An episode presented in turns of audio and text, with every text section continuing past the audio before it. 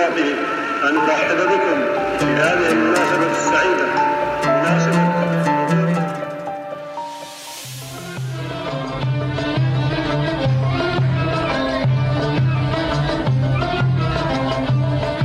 ما تقول ما تقول ما تقول لنا صاحب. الله آه ما تقول لنا صاحب. آه طبعا هذا يعني ذوق خوينا اللي, في اللي بيسوق السيارة.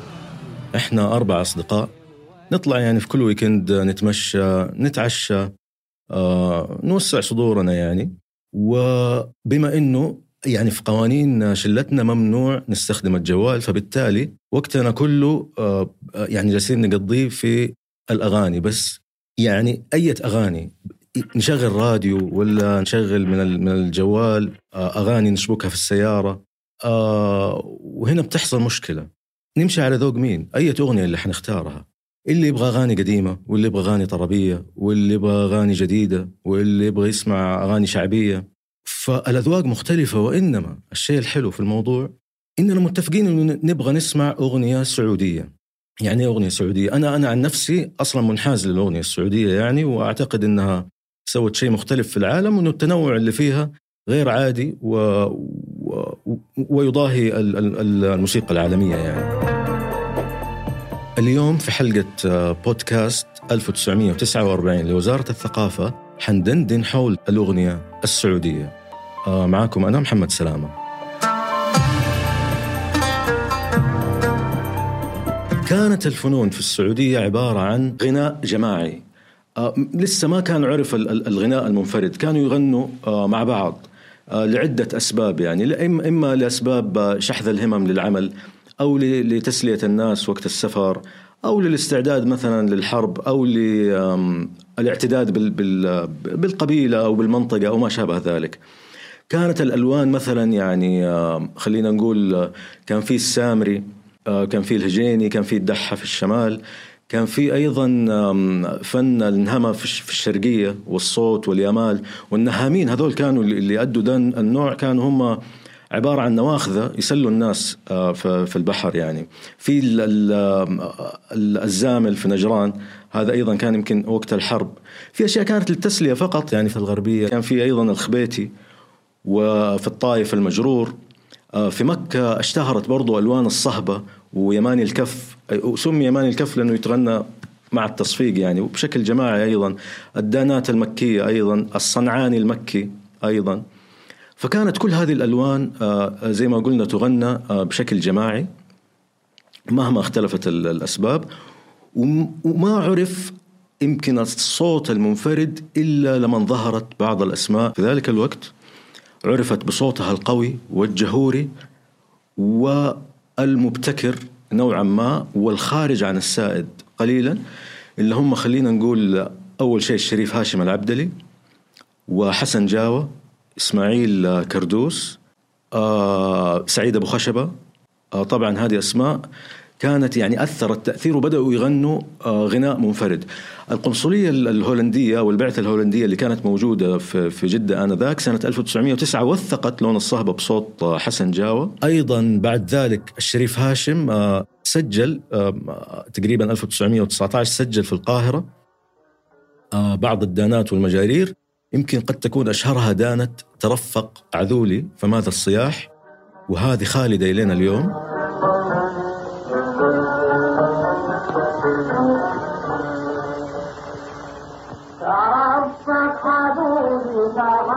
الصياح على في حلم العشق مؤخرا آه، آه، سمعت لقاء لشخص فنان اسمه محسن شلبي. هذا هذا فنان آه، هو إيقاعي ملم بالتراث بشكل كبير جدا وأيضا يعزف عود وملم بالأصوات والألوان القديمة. هذا عاصر الشريف هاشم. يقول إنه من شدة نبوغ الشريف هاشم العبدلي كان يمسك العود والإيقاع ويعزف لأنه كان الغنى أصلا ثقيل. الدانه هذه ثقيلة فكان يعزف مثلا النغمة ويوقف ويمسك ال- الإيقاع. فكان يعزف العود والإيقاع. وعلى كلام الأستاذ محسن شلبي يقول كان زي الماكينة ما يغلط لا في العود ولا في الإيقاع. وكان الحقيقة والواقع يعني كانوا نابغين في ذاك الوقت أكثر لأنه كانت الفنون تنتقل عبر السماع. ما كان عندهم يعني مسجلات ما يقدر يسمع طول الوقت. إذا ما حفظ الأغنية من أول مرة قد تروح منه. فهذا قوى أذانيهم. وقوى من قدرتهم الموسيقية يعني. فلهذا السبب معظمهم كانوا نوابغ يسمعوا الأغنية مرة واحدة ويعزفوها. آه، طبعا بعد استقرار الأوضاع آه، عند المجتمع يعني بدأت تنشأ الحاجة آه، إلى الموسيقى. طبعا وقتها وأيضا مع دخول الإذاعة صارت الناس بتسمع الأغاني العربية. وبدأت تكثر المناسبات عند المجتمع. أيضا أصبح في حاجة إلى نشيد وطني. فبالتالي في ذلك الوقت بزغ نجم فنان اسمه طارق عبد الحكيم. أهيم بروحي على الرابية وعند المطاف وفي المروتين. وطارق عبد الحكيم هذا آه، شخص عسكري. طبعا في ذلك الوقت آه، انضم آه، للعسكرية وأسس الفرقة الموسيقية التابعة للجيش في ذلك الوقت. وكانوا معتمدين على آلات اللي هي الآلات النحاسية وآلات النفخ يعني. وهذا أمر يعني لم يشفي غليل طارق عبد الحكيم اللي كان مولع يعني بالأغاني. وكان هو أيضا خلينا نقول إنه في ذلك الوقت كان ما زال جالس يغني على الطريقة القديمة يعني. لو كنا نسمع تسجيلات مدتها ساعة تقريبا 90% من الأغنية موال والبقية القليلة بعدها تكون أغنية وتكون في الغالب أغنية فلكلورية وأغنية سريعة. ما نضجت الأغنية. وكان هو عنده الشغف إنه آه، يطور الأغنية وإنه يصل بها إلى إلى إلى إلى المستوى اللي جالس يسمعه يعني في في في الدول المحيطة وفي الإقليم العربي. فبالتالي آه تم ابتعاثه إلى آه مصر لدراسة الموسيقى وبالفعل ذهب إلى هناك ودرس الموسيقى ورجع ورجوعه كان علامة فارقة وتغيير جوهري في الأغنية، رجع وهو متعلم الموسيقى بشكل أكاديمي ورائع وجميل وبدأ يغير وطلع لنا بأغاني مختلفة.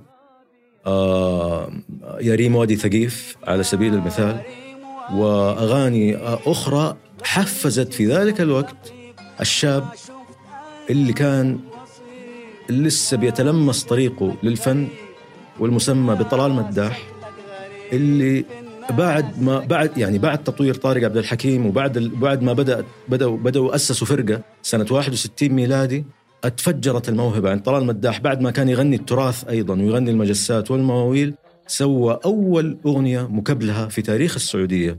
ولما نقول أغنية مكبلها يعني كل مقطع له لحن مختلف عن المقطع الثاني. ما هي بتتردد آه، زي الأغاني اللي قبلها اللي كانت بسيطة اللي هي مذ... نفس المذهب ينعاد يعني وإنما بكلمات مختلفة.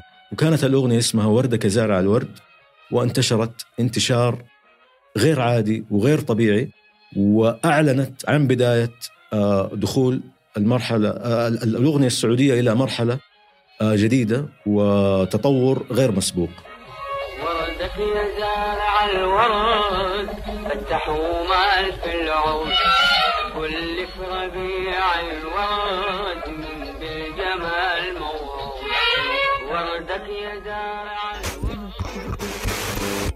طبعا بعد ذلك الفنانين اللي في ذلك الوقت كلهم اتجرأوا وبدأوا يغيروا من لونهم اللي كانوا مستقينوا من التراث ومن الفلكلور ومن ومن هذه الأمور إلى أغاني خاصة بهم. أنا أنا بتكلم عن فنانين آه، كانوا في ذاك الوقت اللي هم طارق عبد الحكيم طلال مداح عبد الله محمد آه، فوزي محسون عمر كدرس وبعدهم بشوية الأستاذ محمد عبده أيضا. فخلينا نقول كيف يعني إيش كانوا يغنوا قبل وإيش كانوا يغنوا بعد؟ خلينا نقول مرحلة ما قبل طارق عبد الحكيم وما بعد عودة طارق عبد الحكيم. ما قبل كان يعني مثلا طارق عبد الحكيم يغني آه للشريف هاشم ترفق عدولي واهيم بروحي على الرابية. بعد ما رجع طبعا يا ريم وادي ثقيف و... وسوى طبعا لنا الله ومن فتونك والدلال وأغاني حقيقية يعني. طلال مداح قبلها مثلا كان برضو بيغني أغاني فلكلورية كثير جدا. من ضمنها مثلا الدانة المكية تخفي هوى سعدة ودمعك هطال. بعدها سوى يعني وفي في لحن سواه قبل وردة كزارع الورد لحن ناضج وجميل وإنما هو غير معروف اسمه شفت القمر في المراية وبعدها سوى وردة كزارع الورد وسوى شفت أبها وبدأت الأغنية تظهر ملامحها الحقيقية يعني.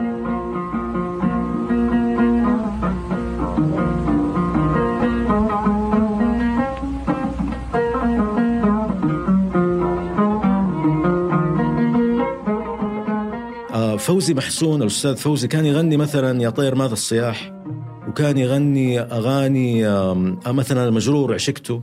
بعد ذلك سوى سبحانه سوى قديمك نديمك وسوى طلال مداح كلام البارحة وأغاني أغاني بالفعل متطورة وناضجة. عمر كدرس كان يغني يا ساري يا خبريني اللي هو تراث معروف جدا. بعد ذلك سوى أغاني عبقرية جدا ومعقدة جدا يعني يعني أغنية اسمها مقبول منك كل شيء مقبول أو مثلا يا موقد النار. آه عندنا أيضا الأستاذ آه عبد الله محمد.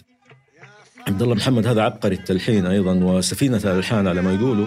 كان يغني الأغاني الدارجة اللي هي سليم سليم وش أسوي بمحبوبي. بعد ذلك سوى أغاني عبقرية لطلال مداح سويعات الأصيل مثلا آه، من عيوني يا صاحبي. أغاني عبقرية ورائعة. أنا عبد الرحمن الناصر صحفي ومهتم بالموسيقى. راح نتكلم عن بعض الفصول والمواقف والزمان والمكان وتحول الأغنية من الجماعي إلى الفردي في أغنيتنا المحلية. بالنسبة للأغنية السعودية في مسرح الإذاعة والتلفزيون كانت هي البداية الحقيقية لانتشار الأغنية ومعرفة الأغنية ووصولها إلى مسامع الجمهور. بلا شك منذ افتتاح الإذاعة والتلفزيون وهو يعمل خلف هذا المشروع وهو تعريف الأغنية السعودية ومحاولة جلب المبتكرين في هذا المجال. كان في طارق عبد الحكيم أول ما قدم المصيف أيضا أبو سعود الحمادي قدم آخر لقاء. كان في نموذجين مختلفين المسرح الإذاعة والتلفزيون في جدة وأيضا مسرح الإذاعة والتلفزيون في الرياض. كان في تنافس كان في قيمة أيضا وكانت مسرح لنبوغ بعض الفنانين مثل طلال مداح محمد عبدو عبد الله محمد عبد الله السلوم أيضا شارك في هذا المسرح. وكثير من الفنانين كمثل أبو سعود الحمادي أيضا سعد إبراهيم وعدد بلا شك كانت اللبنة الأولى في عهد التطوير في عهد البناء في عهد الابتكار الأغنية السعودية. الرمش الطويل أسود وجميل يتحدى أيضا اللي جو بعدهم يعني يعني بعدها بفترة طبعا بعدهم بسنوات قليلة يعني جاء الأستاذ محمد عبده. محمد عبده برضه كان بيغني دانات يعني مثلا غنى مرة بدوي صغير. مثلا اللي هي دانه مكية. بعد ذلك لحنوا له طارق عبد الحكيم لنا الله ومن فتونك الدلال ولا تنظرني بعين بعدين اتجرأ هو وسوى لحن انتشر انتشار كبير جدا اللي هو الرمش الطويل. وبعدها استمر يعني في التلحين ونجح نجاح باهر. طبعا أول أغنية لحنها كان اسمها خلاص ضاعت أمانينا برضه غير معروفة وهذه مفارقة إنه أول لحن له أول لحن لطلال غير معروفة. كان غير معروفه وإنما ناضج جدا خلاص ضاعت أمانينا ما دام الحلو ناسينا. بعدها برضو بعد محمد عبده على طول سراج عمر جاء. سراج عمر الملحن الموسيقار ال- ال- الكبير جدا وأحد أهم ملحني الأغاني المكبلهة. كان برضو متأثر ب- ب- بأخواله الفنان الكبير عمر باعشن. فكان يغني برضو طاب طاب الأوان والرودمان ولون اسمه الرودمان هذا لون نادر يعني وقديم فلكلوري. بعد ذلك طلع لنا بما تقول لنا صاحب ويا حبيبي أنستنا وأنطلق انطلاقة عظيمة.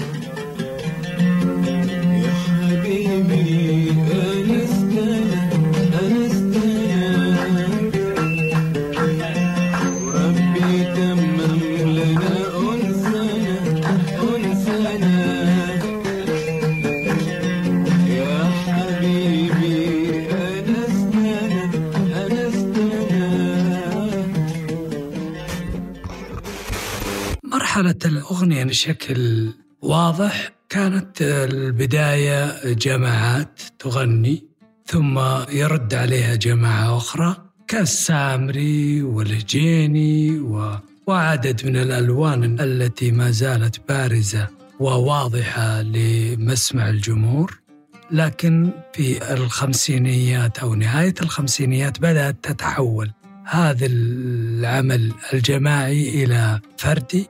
من خلال بعض الفنانين الأوائل ظهر أبو سعود الحمادي سالم الحويل عدد كثير من الفنانين الأوائل الذين غنوا السامري والعمل الإبداعي الذي كان يقدمه بشكل آخر آه، أبو سعود الحمادي. أيضا آه، إبراهيم بن سبعان كان من ضمن الأوائل الذين قدموا العمل الفني الفردي.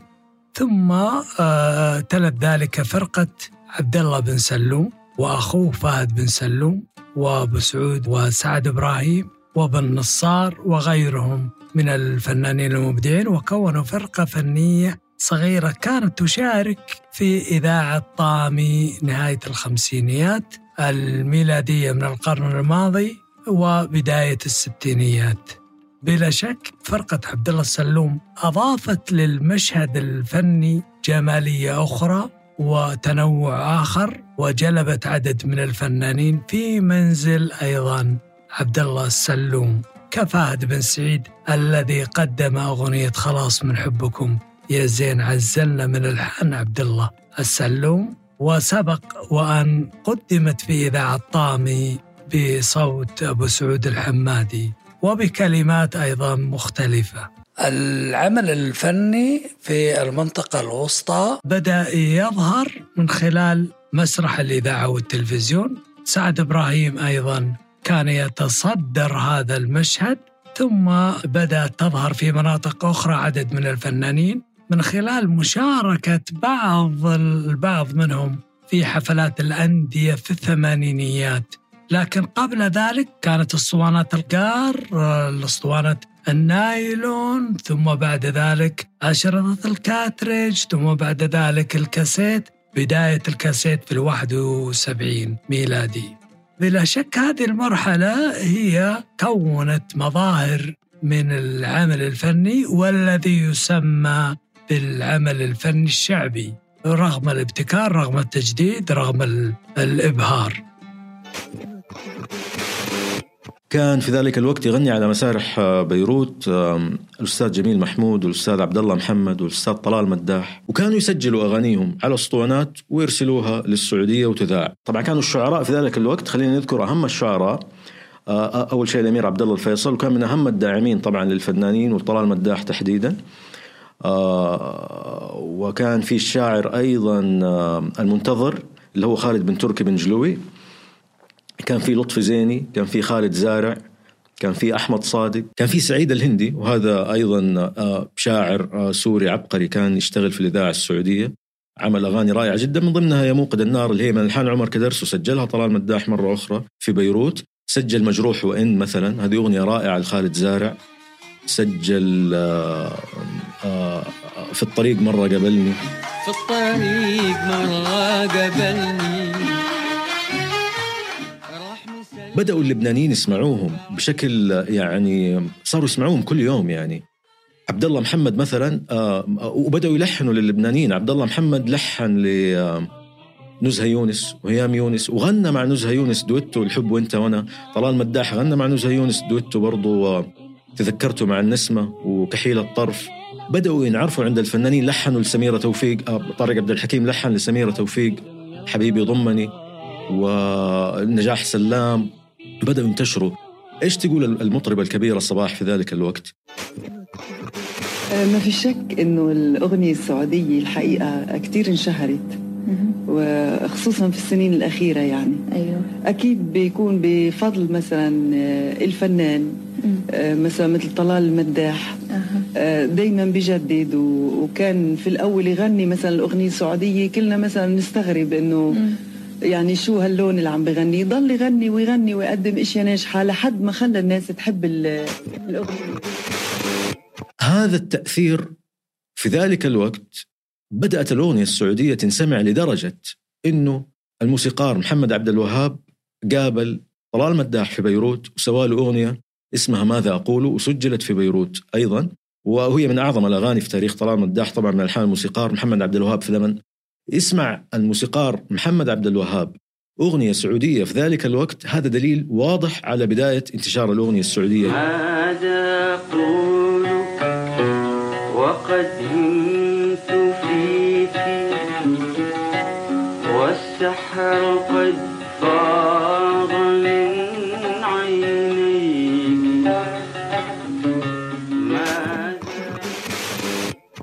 هذا دليل أي أيضا على على إنه كيف لما سمع الأغنية السعودية وصلته فورا كانت أغنية سعودية ناضجة جدا. في ذلك الوقت أيضا بليغ حمدي سوى لحن لمحمد عبده هو لحن لم ينتشر كثيرا آه اسمه يا ليلى آه وإنما كان لحن جميل. بس برضه هذا دليل أيضا على إنه بليغ حمدي سمع بالأغنية السعودية وبليغ حمدي أصلا طول مش طول مشواره كان كل ما يجي السعودية يصمم ويصر على سماع الفولكلور السعودي والأغاني السعودية. يا ليلى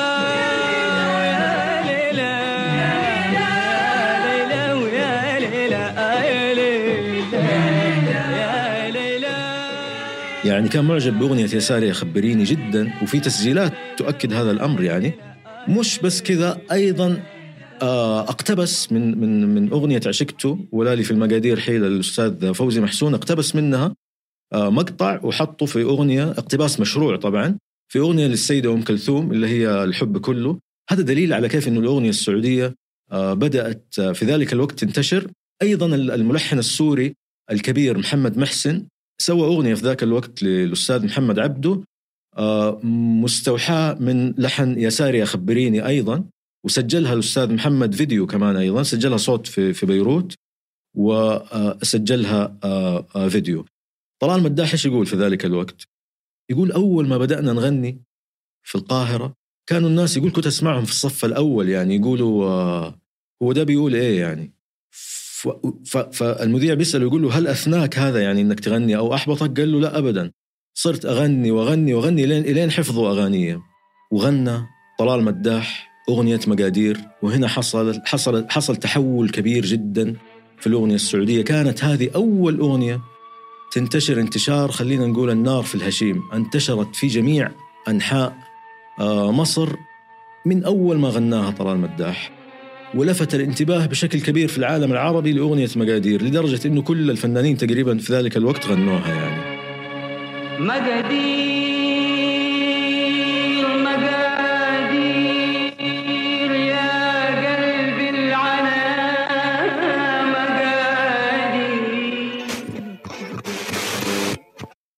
وهذه الأغنية كان لها آه، قصة طبعا. قبل هذه الأغنية بسنة بليغ حمدي برضو ما زال يحوم حول الأغنية السعودية وما زال معجب بها قبلها بسنة اجتمع مع طلال مداح وأعطاه لحن اسمه يا قمرنا. وهذا اللحن لأسباب أو لأخرى آه، طلع طلال على المسرح يغنيه. إنما كان في لخبطة في النوتة الفرقة عندها نوتة وطلال حافظ لحن تاني. وطلعت الأغنية وتغنت بشكل جيد وإنما لم تنجح ذلك النجاح المطلوب. فبالتالي اجتمع الأمير بدر بن عبد المحسن والأمير محمد العبد الله الفيصل وكانوا هم نجوم ذيك المرحلة من الشعراء بالإضافة إلى إبراهيم خفاجي وثريا قابل وصالح جلال، المهم اجتمعوا الأميرين محمد والأمير بدر مع طلال مداح وقالوا له لابد إننا نعوض هذا اللي صار في أغنية يا قمرنا مع بليغ حمدي ونبغى نطلع بأغنية جديدة وأعطوا نص مقادير للأستاذ سراج عمر ولحنوا في الرياض وقالوا له هي دي الأغنية وراحوا معاه القاهرة. وسووا شبه معسكر فني بروفات يعني بشكل مدروس ودقيق إلى أن تغنت الأغنية ونجحت هذا النجاح الباهر والغير عادي. طبعا بعدها الأستاذ محمد عبده انتشر له أيضا انتشار كبير جدا أغنية أيوه صارت تتغنى في شوارع القاهرة في كل مكان يعني. ويا غالية الأثمان آه، آه، آه، و بعاد كنتم ولا قريبين طبعا انتشرت جدا جدا وبعدها صار يغني إنت محبوبي ومالي ومال الناس أيضا انتشرت. طلال مداح طبعا بعدها أيضا آه، أغراب ويا صاحبي و... وترحل وليلة تمرين وزلة طرب.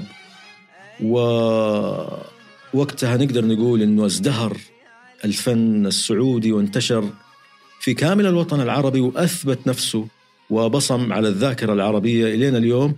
وأعتقد إنها كانت هذه مرحلة العنفوان السعودي الموسيقي. اللي ما زالت آثاره برضو موجودة إلى اليوم. يوم الخلايز ياما بيع طبعا في ذلك الوقت آه، في الستينيات والسبعينيات الميلادية كان في أغنية أخرى مختلفة جالسة تأخذ طريقها وتنتشر بشكل سريع جدا اللي هو خلينا نسميه ما يسمى بالأغنية الشعبية. آه طبعا آه، في أسماء مهمة جدا يعني كانت مثلا الأستاذ آه، بشير حمد شنان والأستاذ فهد بن سعيد وأسماء كثيرة يعني أيضا خلينا نقول مثلا كان في طاهر كتالوج انتشرت هذه أغانيهم انتشار شديد جدا وإنما ما كان بطرق رسمية ما كانوا يسجلوا في استديوهات أو ما كانوا يسجلوا أغاني. بعضهم سجل استديوهات وأسطوانات وإنما ما كانت أغاني مكتملة بالشكل الحقيقي وما كانت تنتشر الانتشار الرسمي في شركات الإنتاج وإنما كانت تنتشر بين الناس والناس تتناقل أغانيهم لأسباب. اولا لأنهم كانوا يغنوا تقريبا آه، شبه خلينا نقول في خفاء يعني. فبالتالي كان عندهم حرية في آه، اختيار الكلمات. فكانوا يختاروا كلمات قريبة جدا من من الشعب ومن المجتمع وبعض الأحيان تكون مثلا خارجه عن عن السياق فما ينفع إنها تتسجل. أيضا أتميزوا كلهم بفنهم ال- ال- الكبير وعزفهم ال- الرائع على العود. كلهم كل هذه الأسماء اللي ذكرتها وغيرها كان عزفهم وطاهر الأحسائي وعيسى الأحسائي أيضا من الأسماء المهمة. كلهم كان عزفهم رائع جدا.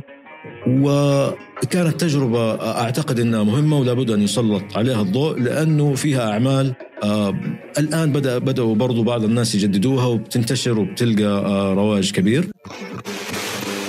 آه، استمرار الدعم الإعلامي في تلك الحقبة ساهم في بروز برنامج وتر وسمر والذي أنتج وقدم عام 1982 واستمر لست سنوات. آه، قدمه الملحن الكبير آه، جميل محمود. آه، طال الله في عمره.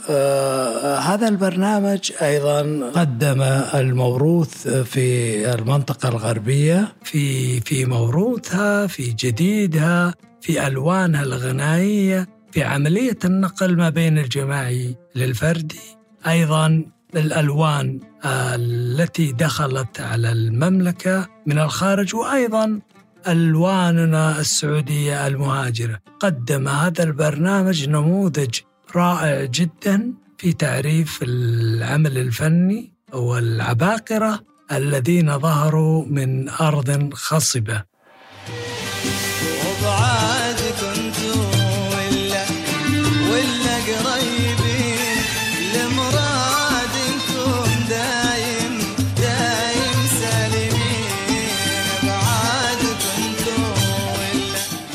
اتسمت هذه المرحلة ب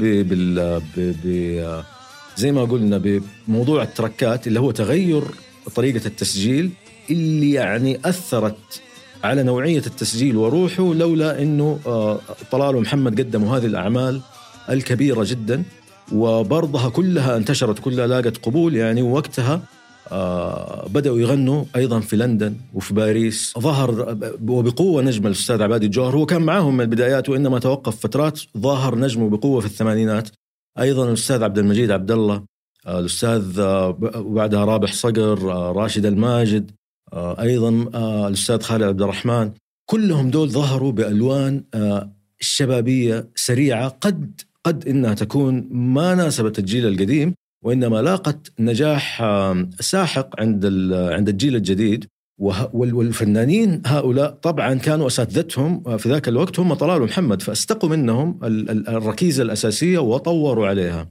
وخلينا نقول إنه إنه هذا هذا التطور هو هي السنة الطبيعية يعني لأي مجال يعني. فأنت في ذاك الوقت إذا كان الجيل القديم لم يستقبل هذه الأغاني بشكل جيد اليوم لما نسمع الأجيال الجديدة بت يعني مخليه ذيك الأغاني هي المرجع أغاني عبد المجيد وراشد ورابح و أصبحت هي المرجع نعرف إنه كان خيار أولئك الفنانين في ذلك الوقت هو الخيار الصحيح والسليم وكان خيار في مكانه آه، وتطوير مهم يحرك الأغنية السعودية من فترة جمود كانت متوقعة لأنه طلال ومحمد طولوا وهم متسيدين في الساحة. في ال 1985 تقريبا ظهرت مهرجانات كثيرة وحفلات كثيرة. كان من بينها المهرجان الذي قامت عليه رعاية الشباب آنذاك ووزارة الإعلام آنذاك وكونوا مسرحا تلفزيونيا في الصالات الخضراء التي كانت تعد أصلا للرياضة. كان تزاوج إبداعي بين الجهتين قدموا عدد من الفنانين عدد من الحفلات تقدمهم الفنان الراحل طلال مداح. بلا شك كان بعد عودة طلال مداح من الاعتزال كان الحضور الجماهيري مهيب. كانت من ضمن الفنانين سلام العبد الله محمد عبدو سعد إبراهيم عباد الجوهر وعدد كبير. بلا شك كانت نقطة تحول في عملية الأداء الفني بين الفنانين. أيضا هذه الصالات الخضراء انتقلت أيضا إلى جدة وتواصل العمل تحت مظلة الصالات الخضراء. آه بعد ذلك آه طبعا جت حفلات آه أبها في السعودية بعد توقف طويل للحفلات في السعودية وسنة آه، 98 و99 و2000 وغنى فيها معظم الفنانين السعوديين وسووا حركة مهمة للفن السعودي. وجدد فيها الأستاذ محمد عبده خلينا نقول أكثر من 30 أو 40 أغنية من أفضل أغاني طلال مداح أيضا أعاد أغانيه اللي من الستينات والسبعينات والثمانينات الميلادية. الله يردك لي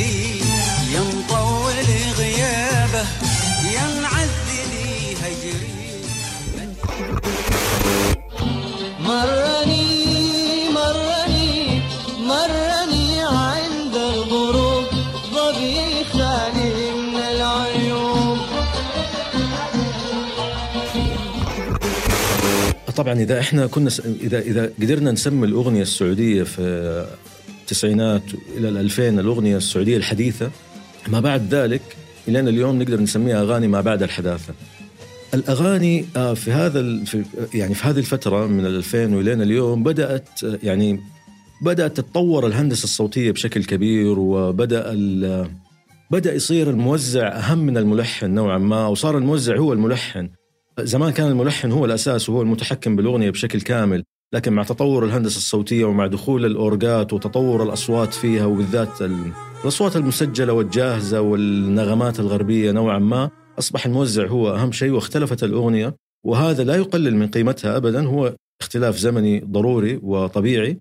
بس إنه الأغنية اختلفت وبدأت تدخل عليها نغمات غربية جديدة بينما كانت الأغاني زمان معتمدة على البيات وعلى الرست وعلى الصبا وعلى الحجاز. اختفت كل هذه المقامات وتقريبا يعني صرنا نشوف ممكن ألبوم لفنان في 15 أغنية أو 20 أغنية كلها من مقام الكرد بلا استثناء يعني. آه طبعا مع دخول الإنترنت وتوقف شركات الإنتاج عن الإنتاج لأنه الأمر أصبح غير مجدي يعني صارت الأغاني الناس كلها بتسمعها يعني مجانا. اختلفت طريقة اختيار الفنان للأغاني اللي يغنيها كيف اختلفت؟ في السابق لما كان الفنان ينتج بنفسه ويبيع أعماله بنفسه أو عن طريق شركة الإنتاج اللي هو متعاقد معاها كان يستمع للأغنية من الشاعر نفسه أو من الملحن أو هو يلحنها وكان يعني يشتري الأغنية من الشاعر اللي تعجبه الكلمة الجميلة اللحن الجميل كان يشتريه بمبلغ وقدره وينتج الأغنية ويصرف على إنتاجها وعلى تسجيلها لأنه كان في مردود آه، من بيع ال- ال- ال- ال- ال- العمل أو الكاسيت أو الألبوم. أصبح ما في مردود بعد دخول الإنترنت. فبالتالي صار الف... احجموا الفنانين كلهم عن عن الإنتاج بنفسهم. ما أصبح الأمر غير مجدي. ما يقدر الفنان يصرف مبلغ وقدره على الأغاني. وأيضا أصبح في موضوع الفيديو كليب. فأصبح الموضوع مكلف جدا جدا للفنان لأنه ما في ما في عائد وراه يعني. فإيش صار؟ صار اللي اختار الأغنية هو منتج يبحث عن ال- المكانة الاجتماعية والمركز الاجتماعي فبالتالي صار المنتج ما هو الفنان نفسه أصبح هو الشاعر أو الملحن فبالتالي مش بالضرورة يكون فنان فاختياراته بتكون على مزاجه مش على مزاج الفنان نفسه. فبالتالي أصبحت العملية ما هي آه، فنية وما صارت بتدار بالطريقة ال- ال- المطلوبة. في أعمال ممتازة وجميلة بتظهر. وفي بعض هذه الأسماء من الشعراء والملحنين ممتازين ورائعين وبيقدموا أغاني حلوة ولكن في المقابل في ناس أعتقد إنهم خلينا نقول ما لهم ذيك العلاقة المباشرة بالفن. ما يطيق الصبر.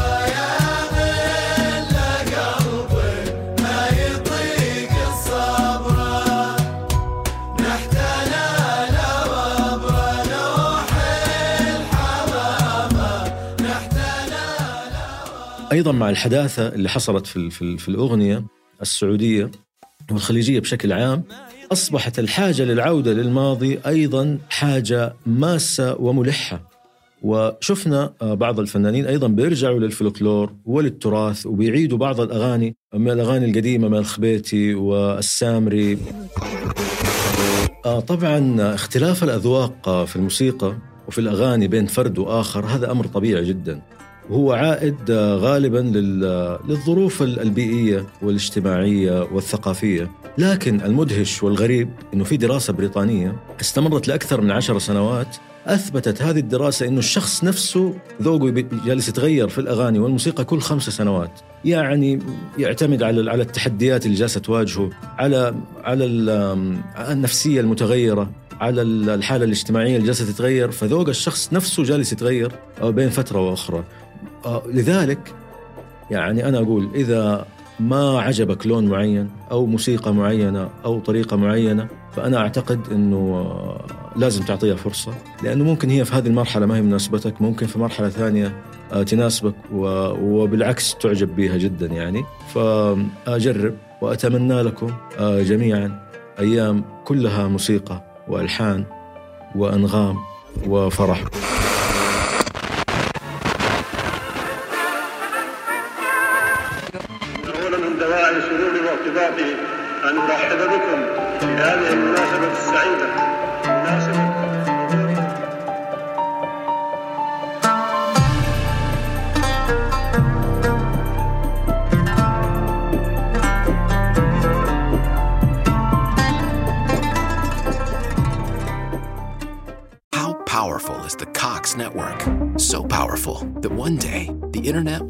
Doctor perform miracles from thousands of miles away, Connecting to remote operating room. giving a whole new meaning to the term house call.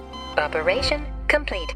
The Cox network, with gig speeds everywhere, it's internet built for tomorrow, today. Cox, bringing us closer. In Cox serviceable areas, speeds vary and are not guaranteed. Cox terms apply, other restrictions may apply.